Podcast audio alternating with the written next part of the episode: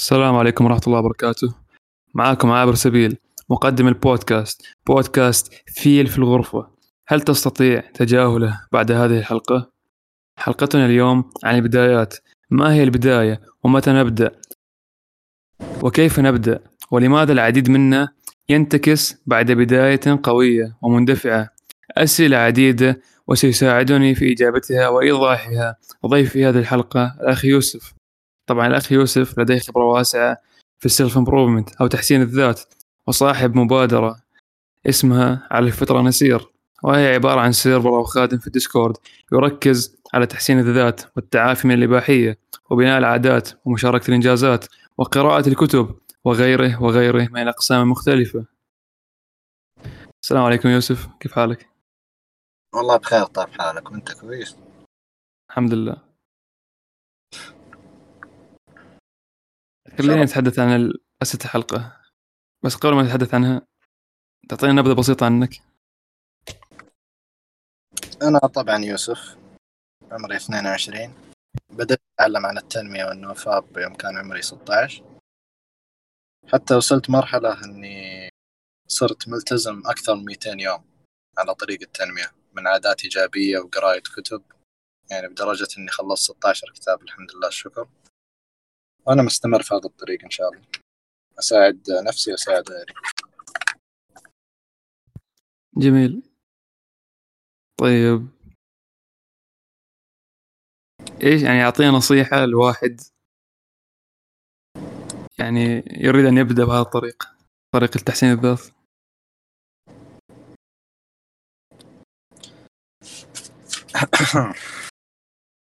ولازم يدرك إنه ليش يبي يبدأ؟ هو ما يبي يبدأ في الحياة هذه ولا ما هو عاجب الحاضر؟ يعني الناس تغير لما يكون ألم البقاء أكثر من ألم أكبر بكثير من ألم التغيير. فنصيحتي للشخص اللي يبدأ لازم أولا تشيل فكرة النجاح من راسك تركز على الفشل. معظم الناس عندها كبرياء ما تبغى تفشل. بس الفشل هو النجاح. الفشل هو هو الطريق اللي انت تبغى توصله. الفشل هو أقصى حدودك. النجاح يعني نقطة توصل لها بعدين تفكر تسوي نقطة ثانية تعديها. يعني النجاح بالنسبة لك في البداية يمكن تخلص كتاب. بعدين توصل مرحلة لا أبى أخلص كتابين في الشهر بعدين ثلاثة كتب في الشهر. النجاح بيتغير. بس الفشل نفسه مفهوم الفشل إنك توصل لحدك نفسه فلازم تتواضع يعني. هذا نصيحتي لكل واحد يبي يبدأ. إنك توصل للفشل توصل أقصى حد. طيب. بخصوص السيرفر اللي أنت سويته بالديسكورد على الفطرة نسير إيش اللي دفعك إنك تسوي هذا السيرفر؟ وأنا قاعد ابحث في السيرفرات العربية. لقيت سيرفرات كثيرة حقت العاب. طبعا لأن منصة ديسكورد منصة العاب. وأنا قاعد ابحث يعني أبغى أشوف سيرفر تنمية. ما لقيت ولا شيء. كتبت بالإنجليزي لقيت كثير. قلت طيب دام إنه موجود في الإنجليزي ف ففيها يعني ناس عرب ناس مسلمين بس يتكلموا إنجليزي. قلت خليني أدور شويتين. برضو ما لقيت.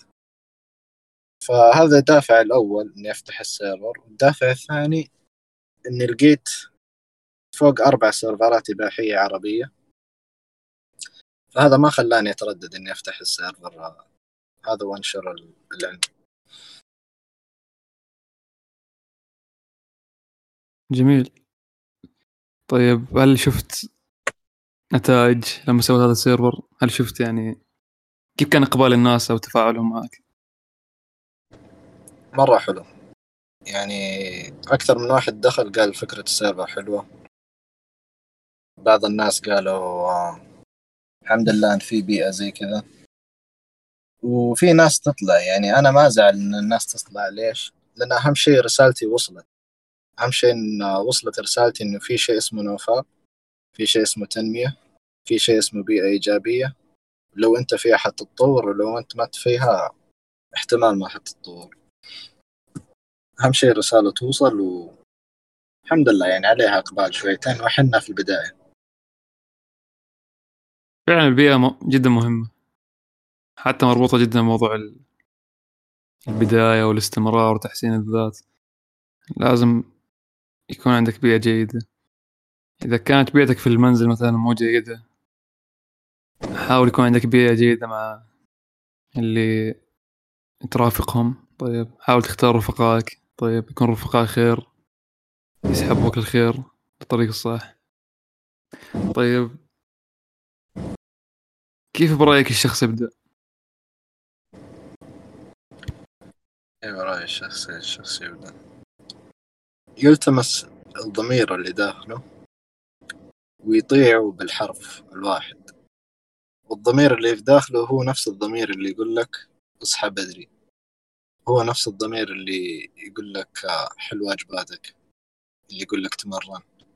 اللي يقول لك تكلم مع أصحابك. اللي يباك تتطور. اللي يباك تسمع هذا البودكاست. اللي يباك آه، تنشغل. هو نفس الضمير. هذا ال... هذه أفضل نصيحة أقدر أقدر أقدمها لأي شخص إنه يسمع للصوت اللي داخله. ويثق فيه تماما. ويتواضع قدامه وما تفرق معاه الفشل لأن الفشل هو طريق النجاح طيب مم. آه. لو هو سمع لضميره بيلاحظ إن ضميره بيعلمه شيء فيه نمط النمط هذا من محاسبة الذات يبدأ يجيب له ورق يكتب إيش يبي يسوي في يومه وإذا سواه يعطي نفسه صح وإذا ما سواه يتركها ولا يحط غلط ويكمل على هذا الطريق وبيلاحظ إنه التزاماته بتكثر آه بيتطور أكثر أكثر الحمد لله شكرا طيب كخطوات عملية إيش أفضل شيء ممكن الواحد يبلش فيه كبداية؟ إيش أول خطوة مثلا؟ مم. الخطوة التقليدية إنه ي... يبدأ بالمحاسبة يحاسب ذاته عن طريق إنه يجيب ورقة يكتب المهام. نفس ما قلت يحط صح هو يبي يسويها وغلط إذا ما يبي يسويها ولا إذا ما سواها. مو شرط ورقة يعني يقدر يسويها بالجوال نعم يعني مثل يعني يصنع قائمة وهذه القائمة يكون فيها المهام اللي يود القيام بها. سواء كانت دراسة أعمال منزلية رياضة ما يهم يضعها ويضع صندوق فارغ. هذا الصندوق لما يخلصها يضع صح ما أنجزها يضع خطأ. ويبلش هكذا محاسبة نفسه. لما تبلش تحاسب نفسك هي العملية واحدة راح تبلش. حتصير عندك قاعد تنمي عندك الضمير لما تحاسب نفسك. كل ما كبر ضميرك راح يزداد التزامك.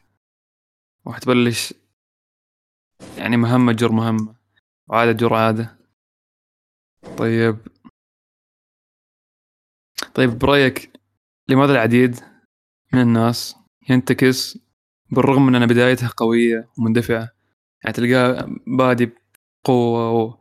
وبلش يسوي ألف شغلة طيب وترك ألف شغلة وتلقاه يعني مندفع بقوة. بس بعد فترة بعد فترة تحصله انتكس ورجع لعاداته القديمة وبطل يلتزم الاستمرارية انقطعت يعني. أيوه. حابة ب... ب... يعني أفهم إيش معنى الانتكاس الأصلي. الانتكاس مثلا إنه يخرب النو فاب ستريك حقه صح؟ لا بشكل عام يعني مثلا هو بدأ بداية جديدة مثلا خلاص قرر يمشي طريق. معين. بشكل عام self improvement بشكل عام طيب. واندفع يعني بقوة ب- بدأ رياضة وبدأ مذاكرة وبدأ قراءة وبدأ بدأ كل شيء. وترك عادات كثيرة مثلا. ترك آه، أكل سكر ترك إباحية مثلا ترك ترك ترك. بعد فترة تحصله انتكس وهذا كله تركه إيش برأيك السبب؟ لأنه يعتمد بكثرة على التحفيز ولا الالتزام. نعم تقدر توضحها؟ تحفيز يا طويل العمر لأنه في البداية عنده الدافع إنه يبدأ ودافع عاطفي فهو يتذكر هذا العاطفة يستمر لأيام كثيرة وهو يحس إنه لازم أنجز ولازم أدري إيش وتوصل مرحلة المشاعر هذه بتختفي ويحل محلها الشعور بالإنجاز يبدأ الواحد يحس إنه إيه خلاص أنا قريت كتاب قدرت أتمرن قدرت أصحى بدري. عادي ما يحتاج أشد حيلي. أنا أنا شخص ناجح. بعدين الغرور يتملكه يبدأ يطيح. لما إنه يطيح يجيه نفسه يبدأ من جديد. بس الالتزام يخليه يستمر. ما يخليه يعتمد على المصادر الخارجية ولا الداخلية من ناحية عواطف وكذا. إنه يكمل طريق نجاحه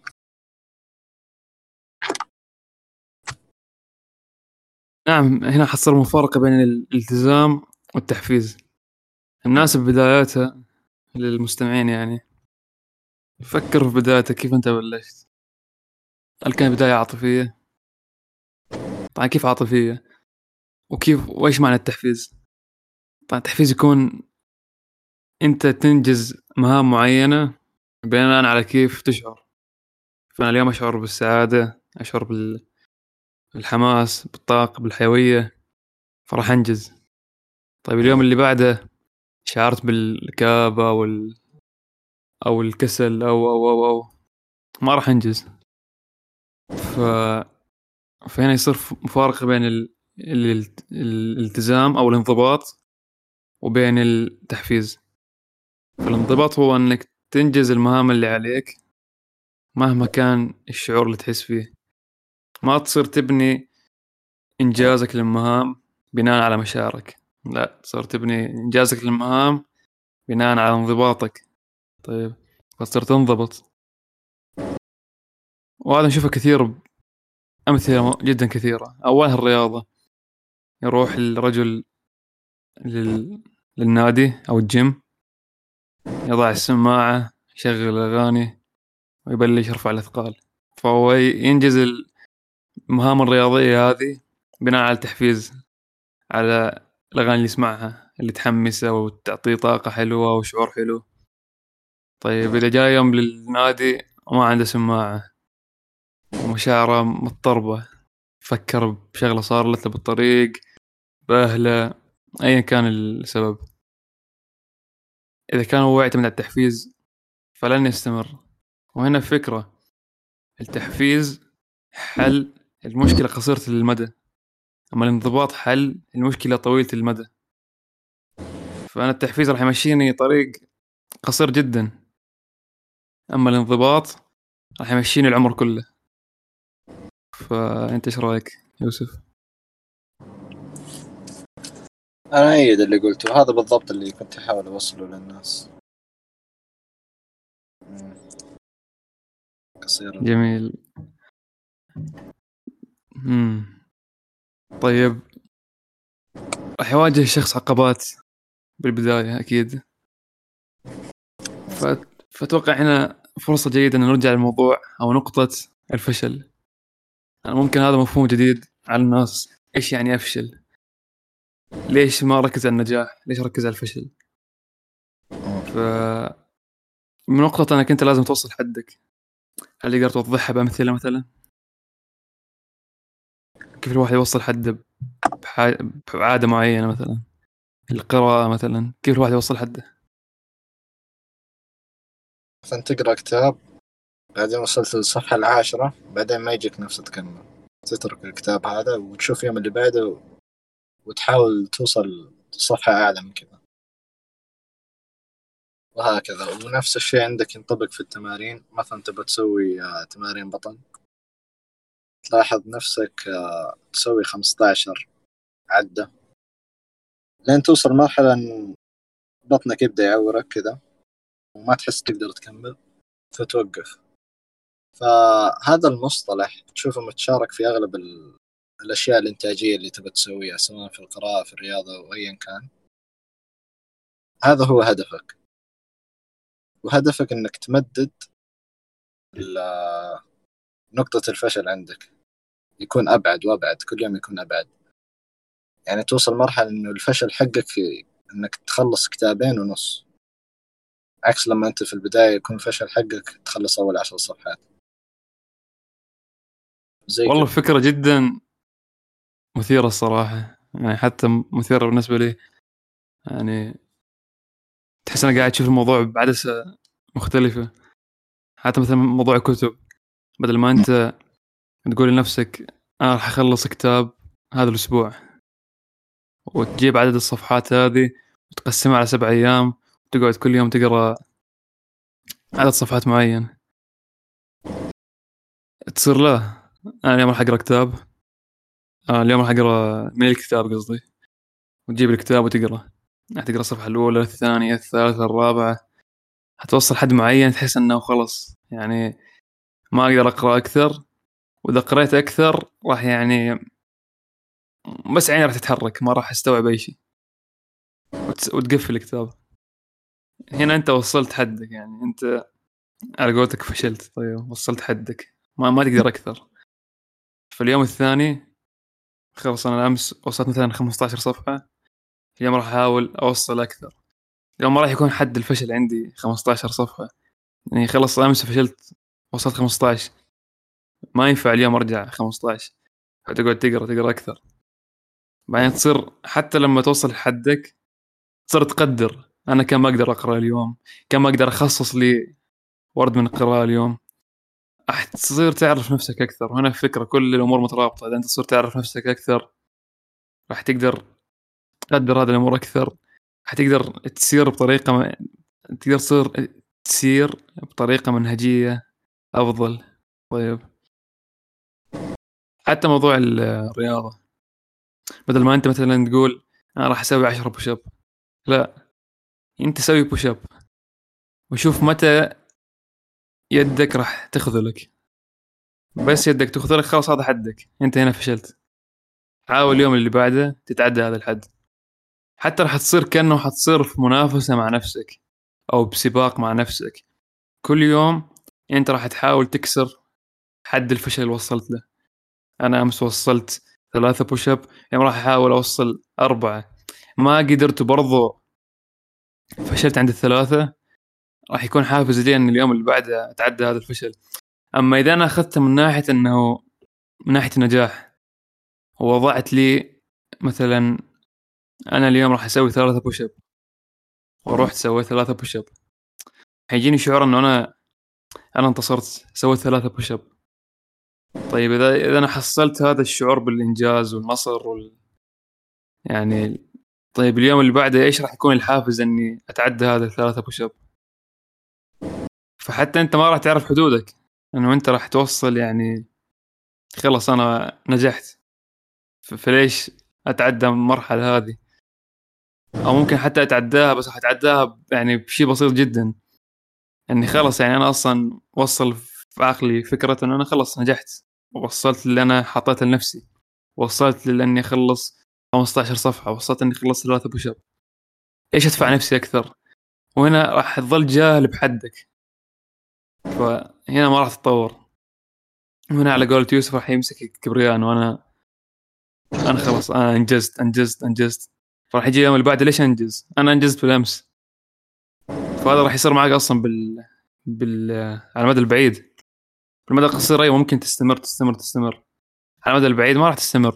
يعني مثلا أنت بعد شهر من الالتزام راح يكون عندك نتائج. أنا خلصت الكتاب الفلاني أنا خلصت الكورس الفلاني أنا خلصت آه، الرياضة الفلانية. يحصل عندك شعور إنه أنا أنجزت أنجزت أنجزت أنجزت. كل شغلة حطيتها لنفسي وصلت لها. أي الشهر اللي بعده؟ طيب خلص ليش؟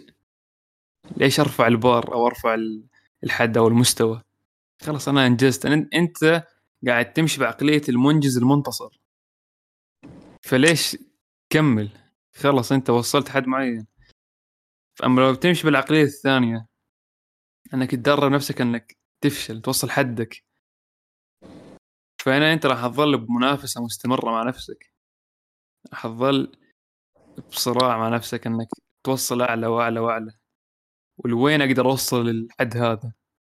اليوم كان 15 بكرة حيكون 16 بعدين حيكون 30 وما إلى ذلك. ويستمر ويستمر ويستمر ويستمر. الشهر الأول حكون قاري كتاب واحد. هذا كان حدي. الشهر الثاني حيكون حدي كتابين. تتضاعف تتضاعف تتضاعف. وهي فكرة جدا جميلة إنك تفكر فيها.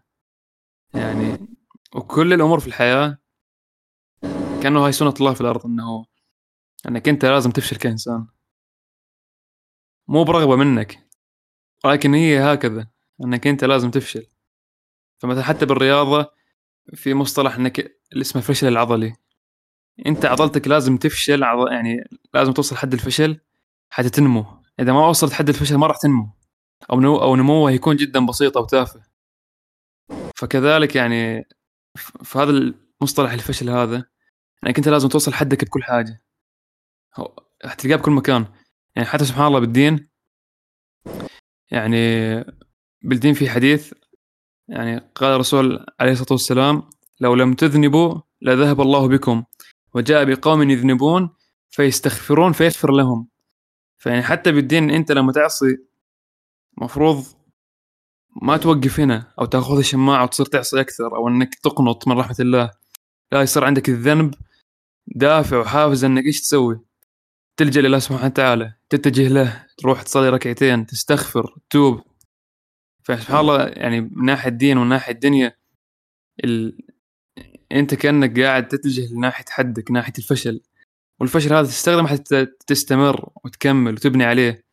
مو حتى توقف وتنزل وتتخاذل طيب. ولاحظ كيف مصطلح الفشل هنا مرة مختلف عن مصطلح الفشل لما أنت تبغى تنجح. يعني أنا مثلا حاط لنفسي أريد أوصل كتاب واحد اليوم يعني أقرأ اليوم كتاب كامل. قريت قريت قريت قريت ما خلصته. هنا صار عندي شعور بالفشل لأن أنا ما أنجزت اللي أنا حطيته لنفسي. بس راح يصير عندي كأنه كأنه خيبة أو خذلان. بس أما لما أنا يكون عقليتي إني أريد أوصل الحد حقي للفشل فهنا أنا ما راح يكون عندي خيبة لأن أنا ح... أنا حاقرا وصلت مثلا حد معين خلاص عرفت هذا حدي. في اليوم اللي وراه حفكر كيف أتعدى هذا الحد. فحتى مصطلح الفشل ونظرتك له يختلف اختلاف 180 درجة من هذا الفشل وهذا الفشل. ممكن أسرفت بالحديث بس أيوه إيش رأيك؟ والله رأيي إنه صح. يعني أنا حاب أوصل نقطة إنه هذه مشكلة الناس. في البداية هي تبدأ تخطط. طيب اشتغل واعرف حدك. لما تعرف حدك تخطيطك يكون منطقي. بتعرف إيش حدودك. وجدولك بيكون متناسق أكثر. لكن لما أنت تبدأ تقول ابى أخلص كتاب أنت تحط هدف يعني ما هو في مستواك من بداية القصة؟ يعني كيف تقول لنفسك أبى أخلص كتاب؟ طيب قول أبى أخلصه بشهر. طيب يمكن ما تقدر تخلصه بشهر. طيب قول لنفسك آه، حأخلصها يمكن هذه السنة. وأفضل طريقة إنك ما تكتبها من بداية القصة بس تبدأ. ليش تبدأ؟ عشان تعرف حدك. لما تعرف حدك تبدأ تعرف إذا أنت بتقدر تخلصها في أسبوع ولا في شهر ولا في سنة. ايا كان. فهذا نوعا ما ذكرني في المدارس. المدارس يقول لك يقول لك ذاكر بعدين تختبر. لكن في الحياة يقول لك اختبر بعدين ذاكر. فأنت لما تفشل في الحياة تبدأ تراجع نفسك. لكن المدارس والأماكن الثانية يقول لك لا أنت ذاكر أول وخطط ومدري إيش بعدين جرب الحياة. وهي غلط. نعم لازم. فعلا هي يعني معلش مقاطعة ولكن فعلا ترى المدرسة يعني لا تحسبها أنها تعلمك شيء ينفعك بحياتك. ترى المدرسة يعني صراحة سلبية جدا. ما راح تعلمك مهارات حياتية تفيدك بحياتك. طيب. النظام الأكاديمي بالمدرسة والتعليم جدا سيء. ما ما ما يجهزك للحياة. فأنت كأنك يعني فهذا الشيء لازم تستوعبه. إنه المدرسة ما كانت هي البيئة المناسبة إنه أنت تكون شخص ناجح. ما راح تعلمك كيف تكون شخص ناجح أصلا. فأنت لازم تقعد مع نفسك مثل ما قال يوسف. تفشل أو تبحث أو تجرب بعدها ترجع تخطط. مو مو العكس مو إنك يعني مو مثل نظام المدرسة تدرس ثم تختبر. لا تختبر ثم تدرس. العكس حرفيا العكس. أيوه. أيوه هذا الخطأ يعني متكرر عند أغلب الناس عشان كذا يوقفوا. وفعلا ترى حتى هذا الأمر يستمر بالجامعة. تلقى الجامعة نفس النظام. يقول لك ادرس بعدين اختبر. وت... وتلقى نفسك مستمر بنفس الطريقة. من المدرسة للجامعة عشرين سنة تقريبا ولا 16 سنة وانت ماشي بنفس النظام هذا أو الهيكلية هذه أو منهجية التفكير هذا فطبعا تلقى الناس تفشل تفشل تفشل تفشل. هي من من عمر ست سنين العمر 24 سنة 26 سنة وهي ماشية بنفس الهيكلية اللي تعلمتها من المدرسة للجامعة للتخرج. ف إيش الناتج أو إيش النتاج؟ لن يصلوا لمرادهم ولا إيش رأيك؟ أكيد ما حيوصلوا. كمان أكثر طالب ناجح عندهم يتبع طريقتنا اللي إحنا تكلمنا عليها قبل شوية. تلاقيه يختبر في البيت أكثر مرة ويفشل يوصل حده بعدين يفشل هناك. يعني الفشل حقه هناك ما يعتبر فشل ليش؟ لأنه وصل أماكن أبعد بكثير من كذا. والله عليك ف... نور هسه هسه فكر فيها. كنا نذكر الاختبارات النهائية أيام الثانوي أو آخر مرحلة بالمدرسة. ف فتلقى اللي معدلاتهم عالية أو نسبهم عالية هم اللي جربوا اختبارات مختلفة من سنوات سابقة وغيره وغيره وغيره. تلقاه يختبر نفسه يختبر نفسه يختبر نفسه. تلقاه هو اللي يجيب النسبة العالية. أما البقية اللي يدرسوا فقط الاختبار هذول تلقاه يعني ممكن يجيب نسبة بس مو عالية طيب أو لها حد معين طيب ويستحيل إنه يحصل أعلى النسب ففعلا والله يعني فكرة جميلة أول مرة أفكر فيها. فنقدر نستنتج إنه أكثر ناس نجحت في الحياة هم أكثر ناس فشلوا.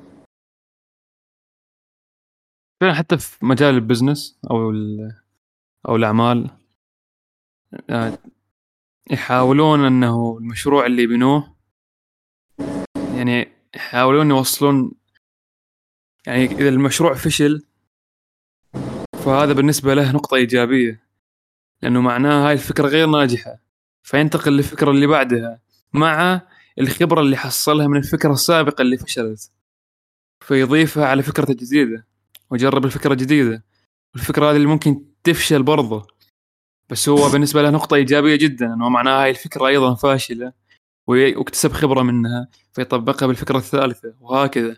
لهذا تلقى أنه كل مشروع يفشل فيه هو مشروع أقرب لمشروع الناجح يعني لمشروع المليون مثلا. فتلقاه مثلا هو يبلش مشروع أعمال أول وثاني وثالث وكلها فشل فشل فشل. بس بالنسبة له هو كل مشروع يفشل فيه فهو مشروع أقرب لمشروع الثراء. ف وكذلك الحياة يعني. كل مرة تفشل فيها فأنت أقرب للنجاح. حتى يعني هاي هذا ترى يعتبر حافز جدا كبير لك. يعني أو دافع جدا كبير لك. كإنسان. إذا نظرت لها من هاي الناحية يعني كم مرة كم مرة بدأنا وفشلنا؟ طيب ما قعدت مع نفسك وفكرت أنا ليش فشلت؟ ليش انتكست؟ ليش رجعت ورا؟ ليش كل مرة أبدأ أرجع انتكس ولا أرجع أفشل؟ إذا أنت ما قعدت مع نفسك وفكرت بهاي الأمور كيف كيف حتنجح بالمرة الثانية أو الثالثة أو الرابعة أو الخامسة أو بعد مليون مرة؟ ففعلا هاي طريقة جدا مهمة إنك تشوفها. هاي الأمور ما راح تتعلم ما راح تتعلمها بالمدرسة ولا بال ولا بالجامعة. لأنه هاي المؤسسات غير مصممة إنك يعني تتعلم بهاي الطريقة. المؤسسة هاي مصممة إنك تكون يعني بالطريقة اللي هم يبغونها. حتى بالأخير تتجه ناحية التوظيف والاتباع ف والقطيع بالاصح طيب. اللي أغلب الناس رايحين فيه. فأنت حاول أقعد مع نفسك. شوف الطريق الصحيح. إيش لازم أسوي؟ عيد خططك. افهم يعني فعلا هاي هاي الطريقة تكلمنا عنها الآن.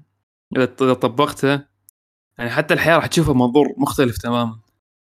ولا إيش رأيك يوسف؟ بالضبط أنا أعيد كل شيء أنت قلت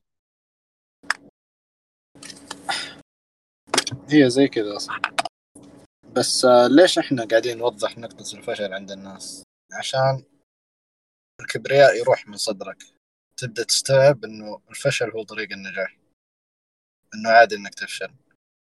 عادي مثلا ناس تضحك عليك مثلا أنت خلصت أول عشر صفحات ولا سويت حاجات بسيطة بدرجة إنك تستحي تقولها لغيرك فهذا اللي أنا أحطه تحت مصطلح بدايات متواضعة. بالضبط. بداية متواضعة. فعلا كم واحد منا بدأ بشيء بسيط جدا. بس هذا هو حدك كبداية أنت أنت بدأت. طيب. ما تقدر من البداية تكون الأفضل أو تكون يعني شيء جبار جدا. مستحيل. أنت خاصة مع تراكمات الماضي. إنك أنت كنت أصلا ماشي في طريق طويل جدا. يعني من ال... من الضياع تضييع الذات. ونفسك وكل شيء عندك وعادات سيئة وإدمانات سيئة. انت ما تقدر تبدأ بداية خرافية. لازم تستوعب حدك. كلمة حدك هذه مع الكافل بالنهاية هذه ممكن تستفزك حدك. بس تستفزك لما أنت عندك كبرياء عالي. بس أنت لازم فعلا تتواضع. تنزل نفسك تحت تستوعب قدرك. تستوعب مكانك المكان انت واقف فيه وبأي نقطة أنت في حياتك. وتعرف حدك وتبلش تبني عليه وتبدأ. هاي أفضل طريقة إنك تبدأ فيها. مو تبلش بشغلات دائما تجيني أسئلة. أنا ما أعرف كيف أبدأ. أحس نفسي ضايع. أخاف أفشل مرة ثانية. أيضا أخاف من الفشل. ليش تخاف من الفشل؟ يعني هنا مفهوم ثاني إنك أنت تخاف تفشل أو يقول عنك فاشل. طيب. هذا غلط. أنت لازم تفشل. يعني أفضل يعني أهم نقطة تطلع منها من هاي الحلقة إنك أنت لازم تفشل. واحد يقول لك عنك فاشل ولا يشوفك شيء قليل عادي. إنك أنت في البدايات أو في منتصف الطريق. لازم دائما تشوف الصورة الكبيرة. أنت قاعد تشوف الصورة الصغيرة بس إذا أنت شفت إنه أو هم يشوفوا الصورة الصغيرة بس إذا أنت على مقدار فشلك الحالي. بس الصورة الكبيرة إنه فشل اليوم هو نجاح الغد. فممكن تراها عبارات تحفيزية. ممكن حتى تشوفها عبارات تحفيزية رخيصة. بس هي مو عبارة تحفيزية هذا الواقع. هاي الصورة اللي أنت كنت مغيب عنها لسنين طويلة. ممكن بسبب بيئتك بسبب محيطك بسبب رفقائك واصدقائك بسبب بيئتك التعليمية من المدرسة للجامعة. بس إحنا نحاول بهذا البودكاست نوريك الصورة الجديدة الصورة الأكبر العدسة مخت... بعدسة مختلفة. الفكرة أصلا هذا من البودكاست هذا إنه اسمه فيل في الغرفة. الفيل في الغرفة هو يعني مصطلح مجازي اللي هو عبارة عن ال... يعني يعني الفيل في الغرفة هو عبارة عن مصطلح مجازي يعبر عن أمور الناس تتجاهلها بس هي موجودة طول الوقت. إحنا ما راح نتكلم عن هاي المواضيع. إحنا راح هدفي في البودكاست هذا إنه يصير البودكاست هذا هو الفيل في الغرفة بالنسبة لك. إنك تسمع الموضوع بالحلقة الأولى والحلقة الثانية والحلقة الثالثة وما تقدر تتجاهله. راح يظل في راسك وتحاول تتجاهله تتجاهله تتجاهله بس راح يظل الفيل موجود بالغرفة. هذا الهدف من البودكاست هذا. مو إني أتكلم عن مواضيع هي تعتبر فيل في الغرفة. لا مواضيع البودكاست هذا راح تكون الفيل في الغرفة بالنسبة لك أنت. حتطلع من الحلقة هذه راح يكون عندك طريقين. تطبقها أو تحاول تتجاهلها. بس ما راح تقدر تتجاهلها. هذا الكلام محفور بعقلك. أيوه يوسف. بالضبط من أفضل الأسماء اللي شفتها للبودكاست. من جد معنوي ترى جماعة الخير يوسف ما دفعت الفلوس. طيب أنا أصلا ما عندي أنا إنسان فقير طيب. مو فقير بس. ما, ما في ما في partners ما في sponsorship الرجال تعرفت عليه. وجزاه الله خير جاء وقام يساعدني بالبودكاست. فهو ضيف جميل يعني لا أكثر ولا ما ما دفعت له. هذا رأيي الصريح. وأنا ما طلبت. بالضبط. هو ما طلب. آخ. والله حلقة جميلة صراحة. مواضيع جميلة. دام يا رب. إن شاء الله تكون رسالة واضحة للناس. بسيطة. شاء الله. طبعا اعذرونا هاي بدايتنا متواضعة. ما كان أفضل تقديم. ما كان أفضل طرح. ولا أفضل تعبير ولا أفضل كلام. حتى ممكن عندي مشاكل بالنطق. طيب. ولكن هاي بدايتنا متواضعة. هذا فشلنا الحالي ان شاء الله بالحلقات الجاية الحد راح يزيد ويرتفع ويرتفع ويرتفع. إلى أن يصبح هذا البودكاست شيء أفضل وأفضل وأفضل. ونتمنى منكم تكونوا معنا بهاي المسيرة. إن شاء الله أنا ناوي هاي المسيرة تكون مسيرة طويلة جدا ومستمرة. وأنا عندي شخص واحد فقط يسمع البودكاست ويستفيد منه أفضل من 100 يعني يسمعوا ويطلعوا من الاذن من الإذن الثانية. فأتمنى هذا هاي الحلقة فادتكم هاي كانت بدايتنا متواضعة. شاركونا بدايتكم متواضعه بالتعليقات. وارائكم وان شاء الله نلقاكم في الحلقة الجاية. والسلام عليكم ورحمة الله وبركاته.